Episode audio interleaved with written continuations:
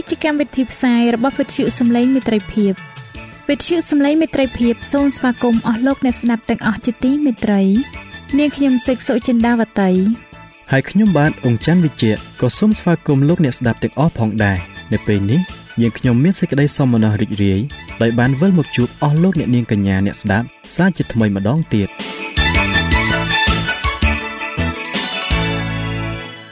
នាងខ្ញុំសេកសុចិន្តាវតី សូមជម្រាបជូនកម្មវិធីផ្សាយដែលមានជាបន្តបន្ទាប់ដូចតទៅនេតិជួបជាមួយព្រះបន្ទូលនេតិស្ពានជីវិត ចា៎លោកអ្នកស្ដាប់ជាទីមេត្រី នាងខ្ញុំសូមគោរពអញ្ជើញអស់លោកលោកស្រី អ្នកនាងកញ្ញាតាមដានស្ដាប់កម្មវិធីផ្សាយរបស់វិទ្យុយើងខ្ញុំដូចតទៅ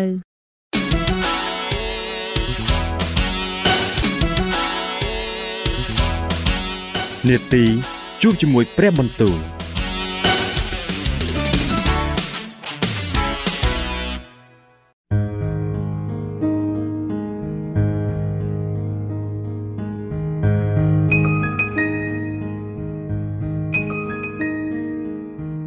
ចា៎អស់លោកអ្នកស្ដាប់ជាទីមេត្រី ជាដំបូងនាងខ្ញុំសូមអញ្ជើញលោកអ្នកនាងស្ដាប់នេតិជួបជាមួយព្រះបន្ទូលនេតិនេះនឹងលើកយកព្រះបន្ទូល ពីព្រះគម្ពីរទំនុកដង្កើងដែលនឹងជម្រាបជូនដល់លោកអង្គច័ន្ទវិជ្ជៈដូចតទៅ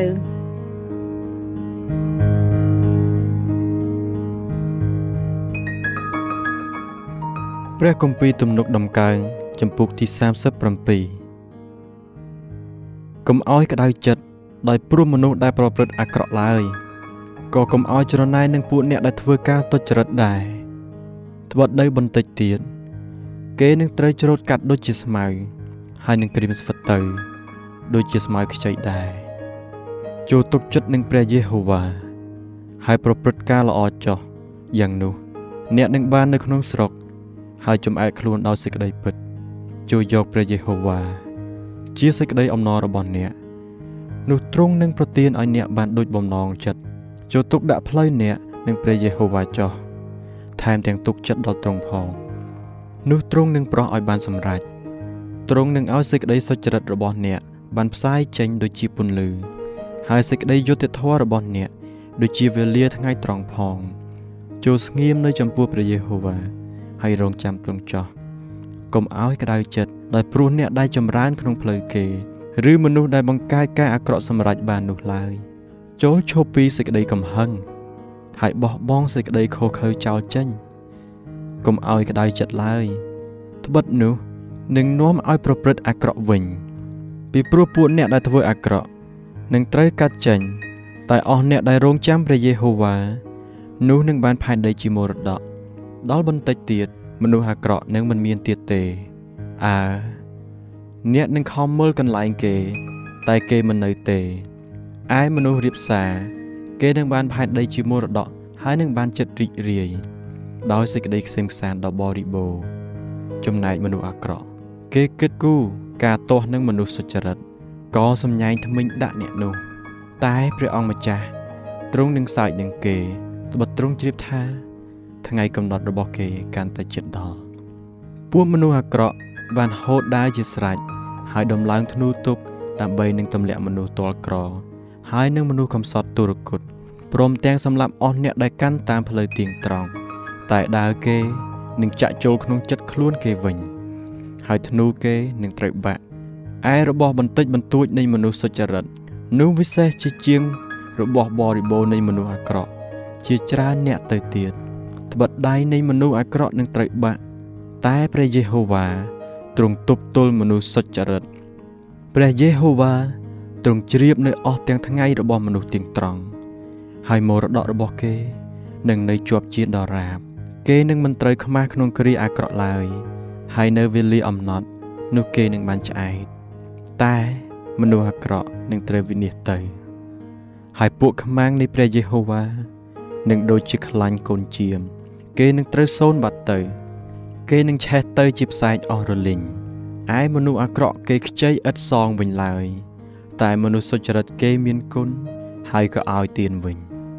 ត្បិតអស់អ្នកដែលទទួលព្រះពរពីទ្រង់ នោះនឹងបានផែនដីជាមរតកតែអស់អ្នកដែលទ្រង់ដាក់បណ្ដាសាវិញ នោះនឹងត្រូវកាត់ចោលចេញ គឺព្រះយេហូវ៉ាដែលតម្រូវអស់ទាំងជំហាននៃមនុស្សល្អហើយទ្រង់សពព្រះハរតីនឹងផ្លូវដែលគេដើរដែរទោះបើគេភ្លាត់ដួលគង់តែមិនត្រូវដួលទាំងស្រុងទេត្បិតព្រះយេហូវ៉ាទ្រង់ទ្រអ្នកនោះដោយព្រះហស្ថយើងពីដើមនៅក្មេងឥឡូវនេះចាស់ហើយ តែមិនដែលឃើញមនុស្សសុចរិតត្រូវលះបង់ចោល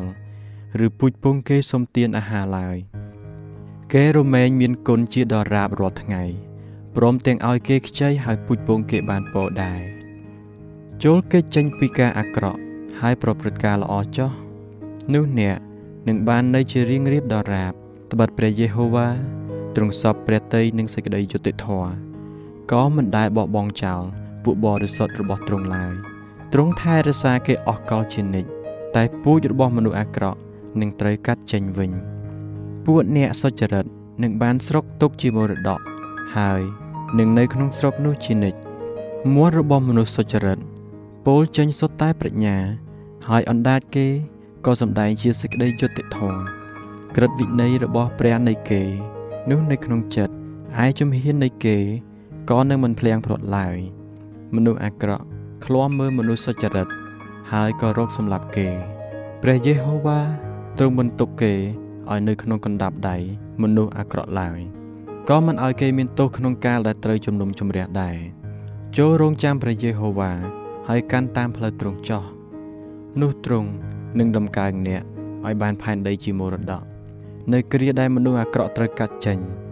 នោះអ្នកនឹងបានឃើញហើយយើង យើងបានឃើញមនុស្សអាក្រក់មានអំណាចយ៉ាងសន្ធឹក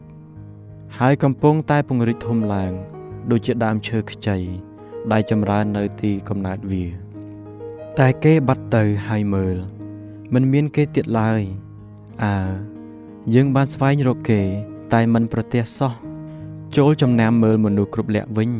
ហើយពិចារណាមើលមនុស្សទៀងត្រង់ចោះត្បិតចុងបំផុតនៃមនុស្សនោះមានសេចក្តីសានត្រាន ឯពួកមនុស្សរំលងច្បាប់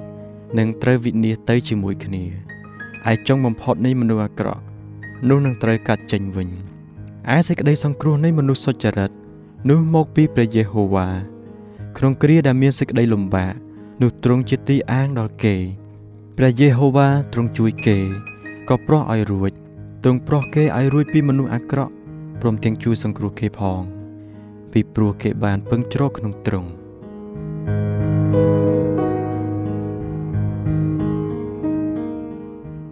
ព្រះគម្ពីរទំនុកដំកើងចំពុកទី38អោព្រះយេហូវ៉ាអើយសូមគុំបន្ទោសទូបង្គំ ក្នុងការដែលទ្រង់ខ្ញាល់ក៏គុំវាយផ្ចាលទូបង្គំ ដោយព្រះハរតីក្តៅឡើយត្បិតព្រួញរបស់ទ្រង់ជាប់គាំងនៅក្នុងខ្លួនទូបង្គំ ហើយព្រះហស្ថទ្រង់ ក៏សង្កត់ទូបង្គំខ្លាំងណាស់ផងគ្មានកន្លែងណាក្នុងរូបសាច់ទូបង្គំ ដែលមិនឈឺនោះទេ ដោយព្រោះសេចក្តីខ្ញាល់របស់ទ្រង់ក៏គ្មានសេចក្តីសុខនៅក្នុងឆ្អឹងទូបង្គំដែរដោយព្រោះបាបរបស់ទូបង្គំត្បិតអំពើទុច្ចរិតរបស់ទូបង្គំបន្ឡើងលើក្បាលទូបង្គំហើយក៏ដូចជាមន្ទុកយ៉ាងធ្ងន់ដែលទូបង្គំទ្រាំមិនបានអស់ទាំងរបួសនៃទូបង្គំសុទ្ធតែរលួយហើយស្អុយ ដោយព្រោះអំពើឆោតខ្លាយរបស់ទូបង្គំទូបង្គំឈឺហើយកោងខ្លួនចោះជាខ្លាំងទូបង្គំដើរទាំងមានទុកគ្រាំជាដរាបរាល់ថ្ងៃត្បិតទូបង្គំ មានសេចក្តីរលរៀលពេញនៅក្នុងពោះហើយគ្មានកន្លែងណាក្នុងរូបសាច់ទូបង្គំ ដែលមិនឈឺនោះឡើយទូបង្គំហេវហើយត្រូវជាប់ជាខ្លាំងទូបង្គំបានធ្ងរដោយព្រោះសេចក្តីថែថប់ក្នុងចិត្ត អោព្រះអង្គម្ចាស់អើយអស់ទាំងសេចក្តីពងប្រាថ្នារបស់ទូបង្គំនៅចំពោះទ្រង់ហើយដំងោរបស់ទូបង្គំក៏មិនលាក់នឹងទ្រង់ដែរចិត្តទូបង្គំកំរើកជាខ្លាំងហើយកម្លាំងនៃទូបង្គំក៏អន់ថយឯពន្លឺនៃភ្នែកទូបង្គំនោះក៏ងងឹតទៅ ពួកមិត្តសម្លាញ់និងពួកដែលធ្លាប់ភពប្រសពនឹងទូបង្គំ គេឈរឃ្លាតពីសេចក្តីវេទនារបស់ទូបង្គំ ហើយទាំងបងប្អូននៃទូបង្គំក៏ឈរនៅឆ្ងាយដែរឯពួកអ្នកដែលស្វែងរកជីវិតទូបង្គំគេដាក់អន្ទាក់ហើយពួកអ្នកដែលពងប្រទុសរាយនឹងទូបង្គំ គេពោលទម្លាក់សេចក្តីអាក្រក់ហើយគិតតែឧបាយជាដរាបរាល់ថ្ងៃតែទូបង្គំមិនលឺទេ ដូចជាមនុស្សថ្លង់ក៏មិនហាមាត់ស្ដីដែរដូចជាមនុស្សកោអើទូបង្គំដូចជាមនុស្សដែលមិនលឺសោះ ហើយដែលគ្មានពាក្យស្អប់នៅក្នុងមាត់ឡើយត្បិតអោព្រះយេហូវ៉ាអើយទូបង្គំសង្ឃឹមដល់ទ្រង់អោព្រះអង្គម្ចាស់ជាព្រះនៃទូបង្គំអើយទ្រង់នឹងឆ្លើយតបចំពោះគេ ពីព្រោះទូបង្គំបាននឹកថា ក្រែងគេមានសេចក្តីអំណរដោយទូបង្គំភ្លាត់ជើង ហើយគេអួតខ្លួនទាស់នឹងទូបង្គំទោះទូបង្គំចិត្តដួលហើយសេចក្តីទុកព្រួយរបស់ទូបង្គំ នៅមុខទូបង្គំជានិច្ចទូបង្គំនឹងលន់តួអំពើទុច្ចរិតរបស់ទូបង្គំ ហើយនឹងឈឺចិត្តដោយព្រោះអំពើបាបរបស់ទូបង្គំដែរប៉ុន្តែ ពួកខ្មាំងសត្រូវនៃទូបង្គំគេស្វិតស្វាញហើយមានកម្លាំងឯពួកអ្នកដែលស្អប់ទូបង្គំដោយឥតហេតុក៏ចម្រើនជាច្រើនឡើង ពួកអ្នកដែលប្រព្រឹត្តការអាក្រក់ស្នងនឹងគុណគេតតាំងនឹងទូបង្គំដោយព្រោះតែទូបង្គំប្រព្រឹត្តតាមការល្អ អោព្រះយេហូវ៉ាអើយសូមកុំលះចោលទូបង្គំឡើយអោព្រះនៃទូបង្គំអើយសូមកុំគង់ឆ្ងាយពីទូបង្គំអុចសោះអោព្រះអង្គម្ចាស់ជាសេចក្តីសង្គ្រោះនៃទូបង្គំអើយសូមប្រញាប់នឹងជួយទូបង្គំផង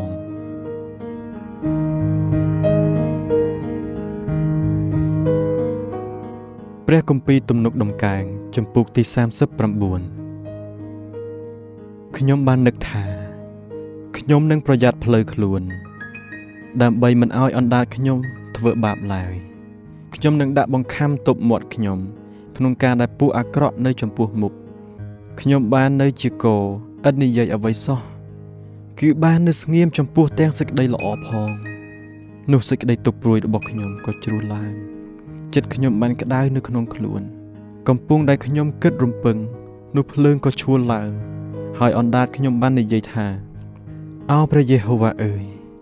សូមឲ្យទូបង្គំដឹងពីចុងបំផុតនៃទូបង្គំ ហើយពីចំនួនថ្ងៃអាយុនៃទូបង្គំផង ដើម្បីឲ្យទូបង្គំ បានដឹងជាមានជីវិតស្រួយអំបាលម៉ានទៅ មើលទ្រង់បានធ្វើឲ្យថ្ងៃអាយុនៃទូបង្គំបានខ្លី ប្រវែងមួយចង្អាមដៃហើយជំនួជីវិតរបស់ទូបង្គំដូចជាឥតមានសោះនៅចំពោះទ្រង់មែនហើយគ្រប់មនុស្ស ទោះទាំងមនុស្សនៅក្នុងសន្តានពេញវ័យនោះក៏ឥតប្រយោជន៍ទទេដែរប្រកាសមែនគ្រប់មនុស្សទាំងឡាយដើរប្រៀបដូចជាស្រមោលទទេ គេជ្រុលជ្រើមឡើងជាឥតប្រយោជន៍គេបង្កោទ្រព្យសម្បត្តិឡើងឥតដឹងជាអ្នកណានឹងទទួលទេឥឡូវនេះអោព្រះអង្គម្ចាស់អើយតើទូបង្គំនៅរងចាំអ្វីទៀតត្បិតទូបង្គំសង្ឃឹមដល់ទ្រង់តែមួយប៉ុណ្ណោះសូមជួយទូបង្គំ ឲ្យរួចពីគ្រប់អំពើរំលងរបស់ទូបង្គំសូមកុំឲ្យទូបង្គំ បានជាទីដៀលថ្មេះរបស់ពួកមនុស្សឆោតល្ងងឡើយទូបង្គំបាននៅជាកឥតហើបមាត់សោះត្បិតគឺជាទ្រង់ដែលបានធ្វើការនោះសូមដករំពាត់របស់ទ្រង់ចេញពីទូបង្គំទូបង្គំត្រូវវិនិច្ឆ័យហើយដោយសារព្រះហស្ថទ្រង់វាយកាលណាទ្រង់វាយប្រដៅផ្ចាញ់ផ្ចាលមនុស្សដោយព្រោះអំពើទុច្ចរិតរបស់គេ នោះទ្រង់ធ្វើឲ្យសេចក្តីលំអរបស់គេបាត់ទៅដូចជាមេអំបៅពិតប្រកបជាមនុស្សទាំងអស់សុទ្ធតែឥតប្រយោជន៍ទៅទេអោព្រះយេហូវ៉ាអើយសូមស្ដាប់ពាក្យដែលទូបង្គំអធិស្ឋានសូមផ្ទៀងព្រះការស្ដាប់សម្រែកទូបង្គំផងសូមទ្រង់គំនៅថ្មឹងនឹងទឹកភ្នែកនៃទូបង្គំឡើយត្បិតទូបង្គំជាអ្នកដតីនៅចំពោះទ្រង់ ជាអ្នកស្នាក់នៅដូចជាពួកឯយកោទូបង្គំទាំងអស់គ្នាដែរអោសូមប្រណីដល់ទូបង្គំ ដើម្បីឲ្យទូបង្គំបានមានកម្លាំងឡើងមុនដែលទូបង្គំចេញបាត់ទៅហើយមិនមានទៀត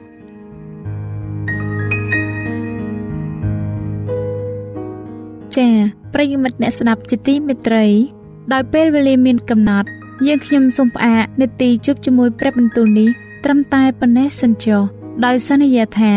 នឹងលើកយកនីតិនេះមកជម្រាបជូនជាបន្តទៀតនៅថ្ងៃច័ន្ទសប្តាហ៍ក្រោយ សូមអរគុណ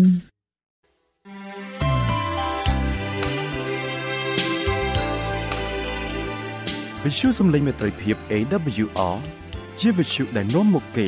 ក្នុងការនាំព្រះរាជសាររបស់ព្រះជាម្ចាស់សម្រាប់លោកអ្នក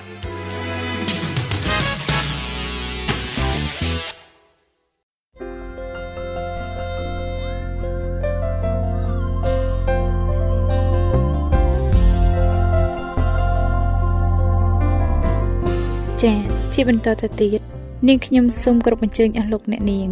តាមដានស្ដាប់នាទីស្ពីនជីវិត ដែលនឹងជម្រាបជូនដល់លោកអង្គច័ន្ទវិជ្ជៈដូចតទៅ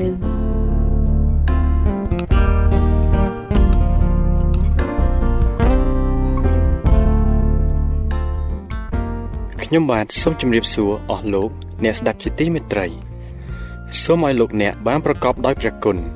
និងសេចក្តីសុខសាន្តអំពីព្រះដ៏ជាព្រះវរបិតានៃយើង ហើយអំពីព្រះអម្ចាស់យេស៊ូវគ្រីស្ទ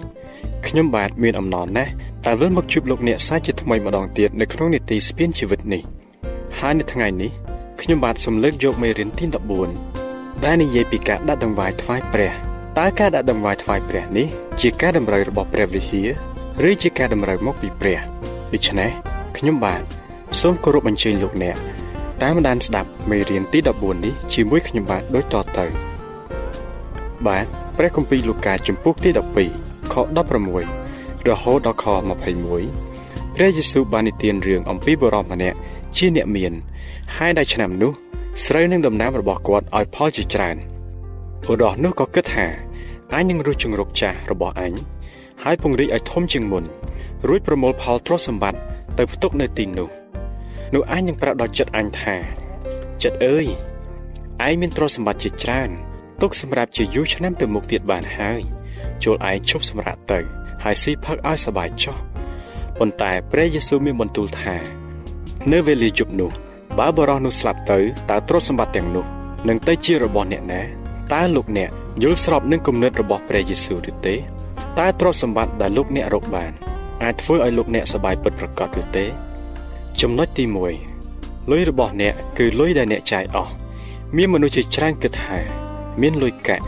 មានអ្វីអ្វីទាំងអស់គឺមានប្រាក់ធ្វើឲ្យគេសប្បាយដោយមានចំណុចអាហារឆ្ងាញ់ឆ្ងាញ់មានផ្ទះធំទ្រនំខ្ពស់ពេលគេមានជំងឺគេអាចទៅព្យាបាលនៅមន្ទីរពេទ្យល្អល្អហើយគេអាចទៅលេងទីណាក៏បាន ជាការពិតប្រាកដមែនមានប្រាក់អាចទិញអ្វីអ្វីបានមែនតែប្រាក់មិនអាចនាំមកនូវសេចក្តីសុខនិងសេចក្តីសប្បាយរហូតបាននោះទេ តើហេតុដូចម្ដេចបានជាយើងនិយាយយ៉ាងដូចនេះព្រោះបើយើងសង្កេតមើលទៅអ្នកមាន ដែលពោពេញដោយទ្រព្យសម្បត្តិមាសប្រាក់និងលុយកាក់មិនចេះខ្វះនោះក៏គង់មានទំដកក្នុងគ្រួសារមានជំងឺនិងសេចក្តីស្លាប់ដែរព្រោះប្រាក់មិនអាចទិញសេចក្តីស្រឡាញ់សេចក្តីសុខនិងជីវិតបានឡើយទុយទៅវិញ វារឹតតែធ្វើឲ្យមនុស្សជាម្ចាស់របស់នោះ មានអាយុកាន់តែខ្លីទៅវិញដោយសារកាលណាមនុស្សមានទ្រព្យសម្បត្តិច្រើនរឹតតែខ្វាយខ្វល់ ភ័យខ្លាចក្រែងទ្រព្យសម្បត្តិនោះបាត់បង់ទៅវិញដូច្នេះអ្នកមានក៏មានការព្រួយបារម្ភដូចអ្នកក្រដែរដូចមានពាក្យទំនៀមខ្មែរមួយឃ្លាបានពោលថាទ្រពច្រើនព្រួយរក្សាទ្រពតិចណាព្រួយលីកិតចោះតើធ្វើដូចម្ដេចទៅដើម្បីឲ្យមានសេចក្តីស្រឡាញ់សេចក្តីសប្បាយនឹងជីវិតនោះយើងជាគ្រីស្ទៀនបានដឹងយ៉ាងច្បាស់ថាទាំងអស់ខាងលើនេះជាអំណោយទានដែលបានមកពីព្រះបានន័យថាយើងមានសេចក្តីសប្បាយ និងជីវិតមិនមែនមកពីទ្រព្យសម្បត្តិទេ គឺមកពីព្រះវិញដោយគម្ពីរសុភាសិតជំពូកទី11ខ4បានសម្ដែងថាឯទ្រព្យសម្បត្តិគ្មានប្រយោជន៍ក្នុងថ្ងៃពិរោធឡើយតែសេចក្តីសុចរិតនឹងជួយឲ្យរួចពីស្លាប់វិញឯសេចក្តីសុចរិតនោះយើងបានឃើញនៅក្នុងព្រះយេស៊ូវបងប្អូនអើយជីវិតយើងខ្លីណាស់មិនដឹងជាពេលណានឹងត្រូវស្លាប់ទេដូច្នេះលោកអ្នកគួរខំសន្សំទ្រព្យសម្បត្តិណាដែលមិនរលាយនៅពេលដែលលោកអ្នកស្លាប់ទៅ ហើយដែលអាចជួយលោកអ្នកបានផង គឺយើង មិនត្រូវពឹងផ្អែកលើទ្រព្យសម្បត្តិរបស់យើងឡើយ តែព្រះបានសន្យាថានឹងថែរក្សាយើង ហើយចូលផ្ទៃគ្រប់ទាំងសេចក្តីទុកព្រួយរបស់អ្នករាល់គ្នាលើទ្រង់ត្បិតទ្រង់តែងយកព្រះតីទុកដាក់នឹងអ្នករាល់គ្នាដកស្រង់ចេញពីព្រះគម្ពីរពេត្រុសទី1ជំពូកទី5ខ7ទ្រង់ថែមទាំងបានបង្ហាញអំណាចនេះយ៉ាងច្រើនដង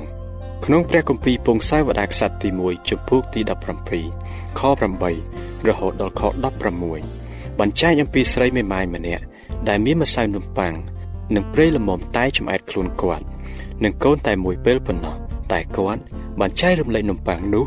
ជាមួយអ្នកបម្រើព្រះម្នាក់ឈ្មោះអេលីយ៉ាគាត់មិនគ្រាន់តែគ្រប់គ្រាន់ត្រឹមតែមួយពេលនោះទេ តែនៅតែមានម្សៅនំប៉័ងនិងប្រេងសម្រាប់បរិភោគរហូតជាមួយគ្រួសារគាត់ និងអ្នកបម្រើរបស់ព្រះនោះបានន័យថាបើនាងខ្លាចខ្វះខ្លួនឯងមិនចែកនំប៉័ងដល់លោកអេលីយ៉ាទេថ្ងៃស្អែកនាងនឹងគ្មានអ្វីបរិភោគឡើយតែដោយនាងទុកចិត្តលើព្រះនាងមិនខ្វល់ខ្វាយពីការខ្វះខាតឡើយហេតុនេះហើយបានជាយើងនិយាយថាលុយរបស់អ្នកគឺជាលុយដែលអ្នកចាយអស់ហើយលុយដែលនៅសល់មិនមែនជារបស់អ្នកឡើយឧបមាថាលោកអ្នកមានលុយ1000រៀល ហើយទិញនំអាកោអស់500រៀលឯលុយ500ទៀតនោះត្រូវចោលលួចបាត់ទៅតើមិនមែនលុយ500រៀលនោះទេឬដែលជាលុយរបស់លោកអ្នកប៉ុន្តែបើលោកអ្នកចាយមិនត្រឹមត្រូវនោះវាក៏មិនផ្ដល់ផលល្អដល់លោកអ្នកដែរចំណុចទី2របស់សពសារពើជារបស់ព្រះព្រះគម្ពីរបញ្ជាក់ថាផែនដីនិងសារពើ នៅលើផែនដីជារបស់ផងព្រះយេហូវ៉ាព្រមទាំងលោកីនិងបណ្ដាអ្នកដែលនៅលើលោកីផងត្បិតទ្រង់បានប្រតិស្ថានផែនដីនៅលើសមុទ្រហើយបានតាំងឲ្យមាំមួននៅលើទឹកទាំងពួងតើលោកអ្នកជឿថាដូច្នោះដែរឬទេប្រសិនបើទ្រង់ពិតជាព្រះ ដែលបានបង្កើតរបស់សពសារពើមែននោះអ្វីអ្វីទាំងអស់នៅលើលោកីនេះ គឺជារបស់ផងទ្រង់សូមលោកអ្នករំពឹងគិតមើលបើលោកអ្នកខំប្រឹងប្រែងធ្វើការបានប្រាក់ច្រើនរួចទិញបានផ្ទះមួយខ្នងនិងមួយតូមួយគ្រឿងនោះលោកអ្នកប្រកាសជានិយាយថា នេះជាផ្ទះនិងម៉ូតូរបស់ខ្ញុំព្រោះខ្ញុំខំធ្វើការខ្លាំងណាស់ទម្រាំតែទិញវាបានប៉ុន្តែចោះតើអ្នកណាដែលបានផ្ដល់ជីវិតនិងកម្លាំងដល់លោកអ្នកឲ្យធ្វើការបាននោះតើមិនមែនព្រះទេឬអីប្រសិនបើអ្វីអ្វីទាំងអស់ជារបស់ផងព្រះនោះយើងគ្មានកម្មសិទ្ធិអ្វីទាំងអស់គឺដូចជាកូនដែលរស់នៅក្នុងបន្ទប់ឪពុកម្ដាយហើយទោះបីខិតខំធ្វើការទិញបានអ្វីក៏ដោយក៏គេគិតថាមិនមែនជារបស់គេផ្ទាល់ដែរ គឺជារបស់ឪពុកម្ដាយគេវិញព្រោះឪពុកម្ដាយគេជាអ្នកបង្កើតគេនិងចិញ្ចឹមបីបាច់គេដោយព្រះជាម្ចាស់លើអ្វីអ្វីទាំងអស់ទាំងរូបយើងថែមទៀតផងនៅពេលដែលទ្រង់ចង់ឲ្យយើងចំណាយពេលវេលា និងប្រាក់កាសដើម្បីបំពេញកិច្ចការថ្វាយទ្រង់និងជួយដល់អ្នកដទៃទៀតដែលជាកូនទ្រង់ដែលយើងរាប់ថាជាបងប្អូនរបស់យើងដែរនោះយើងត្រូវតែថ្វាយដល់ទ្រង់ដោយឥតស្ដាយស្រណោះព្រោះទ្រង់បានប្រទានព្រះពរឲ្យយើង និងមានការអាណិតអាសូរដល់អ្នកដទៃតើលោកអ្នកសុខចិត្តថ្វាយប្រាក់កាក់ដែលលោកអ្នករកបាន ទៅព្រះខ្លះឬទេហើយចោះតើលោកអ្នកត្រូវថ្វាយប៉ុន្មានទៅ ដង្វាយ10ហុត1ឬដង្វាយ1ភាគក្នុង10ឬហៅថាដង្វាយ10%តើហេតុអ្វីបានជាព្រះតម្រូវឲ្យយើងថ្វាយដង្វាយនេះបានលោកពូអ៊ីជាកសិករម្នាក់នៅខេត្តតាកែវគាត់ជាអ្នកជឿព្រះយេស៊ូវ ធ្វើតាមព្រះទ័យរបស់ព្រះអង្គយ៉ាងម៉ត់ចត់នៅឯវាលស្រែជុំវិញស្រែរបស់គាត់នៅពេលដែលសន្ទូងកំពុងលាស់ខៀវខ្ចីដែលយើងហៅថាស្រូវកំពុងធ្វើខ្លួននោះស្រាប់តែមានដង្កូវស៊ីបំផ្លាញយ៉ាងធ្ងន់ធ្ងរធ្វើឲ្យសន្ទូងនៅខៀវស្រងាត់ទៅជាស្វិតស្រពោនទៅវិញចំណែកស្រែរបស់លោកពូអ៊ីនោះគ្មានស្លឹកស្រូវណាមួយត្រូវស្វិតដោយដង្កូវស៊ីឡើយអ្នកស្រុកឆ្ងល់ណាស់ខ្លាចរហូតមានការអន់ចិត្តនឹងលោកពូអ៊ីថាមានថ្នាំល្អបាញ់ ហេតុអ្វីចាំលាក់នឹងពួកគេធ្វើអីអ្នកស្រុកក៏ទៅសួរលោកពូថាតើអ្នកអ៊ីឯងប្រើថ្នាំអីបានជាដង្កូវមិនស៊ីស្រូវអ្នកដូច្នេះលោកពូអ៊ីឆ្លើយថាខ្ញុំប្រើថ្នាំ10ហូត1ឬ10%អ្នកស្រុកភ្ញាក់ផ្អើលជាខ្លាំងដោយគេមិនដែលឮឈ្មោះថ្នាំនោះសោះក៏នាំគ្នាសួរទៀតថាតើយើងទៅទិញថ្នាំនោះនៅឯណា ហើយថ្លៃឬថោកទៅពូអ៊ីញញឹមពព្រាយហើយពន្យល់តបទៅអ្នកស្រុកវិញថាអ្វីអ្វីទាំងអស់ វាជារបស់ព្រះខ្ញុំបានថ្វាយមួយក្នុង10ទៅព្រះ គឺថាបើខ្ញុំបានស្រូវ30ថាំងខ្ញុំបង្វិល3ថាំងថ្វាយព្រះបើខ្ញុំលក់មន់បាន5000រៀលខ្ញុំថ្វាយ500រៀលទៅព្រះវិញគាត់បានឃើញថានោះជាមុខចំនួនមួយ ដែលមិនគួរឲ្យភ័យខ្លាចនឹងធ្វើដោយសារព្រះបានប្រទានជីវិតធម្មពលទៅភ្លៀងនិងពន្លឺថ្ងៃឲ្យគាត់រួចមកហើយ ដូច្នេះគាត់ក៏មិនត្រូវស្ទាក់ស្ទើរឬស្ដាយស្រណោះនឹងថ្វាយ10%ឬ1ក្នុង10ពីចំនួនរបស់គាត់ថ្វាយទៅត្រង់វិញឡើយព្រះគម្ពីរម៉ាឡាគីចំពុកទី3ខ10បានបញ្ជាក់ពីសេចក្តីសន្យារបស់ព្រះយ៉ាងច្បាស់ថាចូលនាំដង្វាយមួយភាគក្នុង10មកដាក់ក្នុងឃ្លាំងចោះដើម្បីឲ្យមានស្បៀងអាហារនៅក្នុងដំណាក់នៃអញហើយលបងលោអញឥឡូវ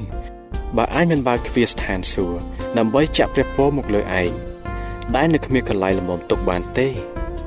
នេះហើយជាព្រះបន្ទូលរបស់ព្រះយេហូវ៉ានៃពួកពលបរិវារយោងតាមខនេះបើលោកអ្នកកំពុងតែខ្វះខាត ហើយថ្វាយ1ភាគ10ទៅព្រះតើធ្វើឲ្យលោកអ្នករឹតតែខ្វះខាតទៅឬកាន់តែចម្រើនឡើងវិញព្រះបានសន្យាយ៉ាងច្បាស់ក្នុងខគម្ពីរនោះថា លោកអ្នកមិនត្រឹមតែគ្រប់គ្រាន់ទេ តែថែមទាំងសល់រកកន្លែងទុកមិនបានទៀតផងបាទ តែត្រូវថ្វាយដោយមានចិត្តសទ្ធាជ្រះថ្លា និងដោយជំនឿព្រះទ្រង់សពព្រះハរតីថែរក្សាយើងដោយឲ្យនៅអវយវ័យគ្រប់យ៉ាងសម្រាប់ជីវិតយើង តែទ្រង់ចង់ឃើញថាតើយើងស្មោះត្រង់នឹងទ្រង់ឬទេមុននឹងទ្រង់ប្រទានអ្វីអ្វីឲ្យយើងបន្ថែមទៀតនេះគឺជាផែនការមួយយ៉ាងល្អរបស់ព្រះចំពោះយើងលោកយេក្រោះគឺជាជីដូនរបស់អ្នកស្រីជូលីដែលជាគ្រួសាររបស់គ្រូកងវិល Scott Griswold ជាអ្នកបានមកធ្វើការបម្រើព្រះនៅស្រុកខ្មែរកាលពីឆ្នាំ1993លោកជ័យបានសិក្សាពីព្រះយេស៊ូវនៅទសវត្សរ៍ទី1930គាត់ស្រឡាញ់ព្រះយេស៊ូវខ្លាំងណាស់ដោយទ្រង់បានបដូរបង់ព្រះជន្មនៅលើឈើឆ្កាងជំនួសគាត់គាត់ចង់ធ្វើនៅអ្វីអ្វីទាំងឡាយដែលព្រះយេស៊ូវចង់ឲ្យគាត់ធ្វើនៅពេលដែលគាត់បានសិក្សាអំពីដង្វាយមួយភាគ10ជាព្រះハរតីរបស់ព្រះយេស៊ូវនោះគាត់ក៏បដិញ្ញា នឹងដាក់ដង្វាយនេះឲ្យបានប៉ុន្តែគ្រួសារគាត់ក្រីក្រហើយប្តីរបស់គាត់មានការងារត្រឹមតែជាជាងលាបថ្នាំផ្ទះប៉ុណ្ណោះទោះជាយ៉ាងនេះក៏ដោយគាត់បានដាក់ដង្វាយយ៉ាងទៀងទាត់ទោះជាគាត់រកបានតិចយ៉ាងណាក៏ដោយក៏គាត់ដក1ភាគ10ថ្វាយទៅព្រះដោយមិនគិតពីការខ្វះខាតផ្ទាល់ខ្លួនដែរថ្ងៃមួយមានបរិសម្នាក់មកឈប់នៅមុខផ្ទះគាត់ដោយសន្យានឹងយកទឹកដោះគោមកលក់ក្នុងតម្លៃដ៏ថោក គាត់មានទឹកដោះគោទទួលទាន រហូតសល់ទុកពេញពេញទូទឹកកកក្រោយមកទៀតមានកសិករម្នាក់មកប្រាប់គាត់ថាតែប៉ោមឆ្នាំនេះថោកណាស់ខ្ញុំមិនបេះលក់ទេសូមអ្នកទៅបេះយកតាមចិត្តចុះក្រោយមកទៀតមានម្ចាស់ធនាគារម្នាក់ហើយប្តីគាត់ទៅប្រាប់ថាខ្ញុំបានរឹបអូសយកផ្ទះពីគុំបំណុលជាច្រើនហើយខ្ញុំត្រូវការជួសជុលវាដើម្បីលក់ចេញវិញតើអ្នកអាចទទួលការនេះបានឬទេ ដោយព្រះបានសន្យាមែនដោយសារអ្នកស្រីក្រស្មោះត្រង់ក្នុងការដាក់ដង្វាយឥឡូវនេះគាត់មានទឹកដោះហូបមិនអស់មានផ្លែប៉ោមពេញចំការដោយមិនបាច់ដាំព្រមទាំងមានលុយចាយមិនខ្វះខាតទៀតផងតើលោកអ្នកចង់មានភាពខ្វះខាតដែរឬទេបើលោកអ្នកមិនចង់មានភាពខ្វះខាត នៅក្នុងក្រុមគ្រួសារទេនោះសូមលោកអ្នកលបងលោកព្រះក្នុងពេលនេះចុះបាទអស់លោកអ្នកស្ដាប់ជាទីមេត្រី ពេលវេលានៃនីតិស្ពីតជីវិតរបស់យើង បានមកដល់ទីបញ្ចប់ហើយខ្ញុំបាទនឹងវិលមកជួបលោកអ្នកម្ដងទៀតនៅក្នុងនីតិរបស់យើងលើកក្រោយដែលបាននាំនៅភាគទី2នៃមេរៀនដដែលនេះមកជូនលោកអ្នកជាបន្តទៀតបាទដូច្នេះសូមឲ្យព្រះជាម្ចាស់ប្រទានពរដល់អស់លោកអ្នកបងប្អូនទាំងអស់គ្នា សម្រាប់ពេលនេះខ្ញុំបាទសូមអរគុណនិងសូមជម្រាបលា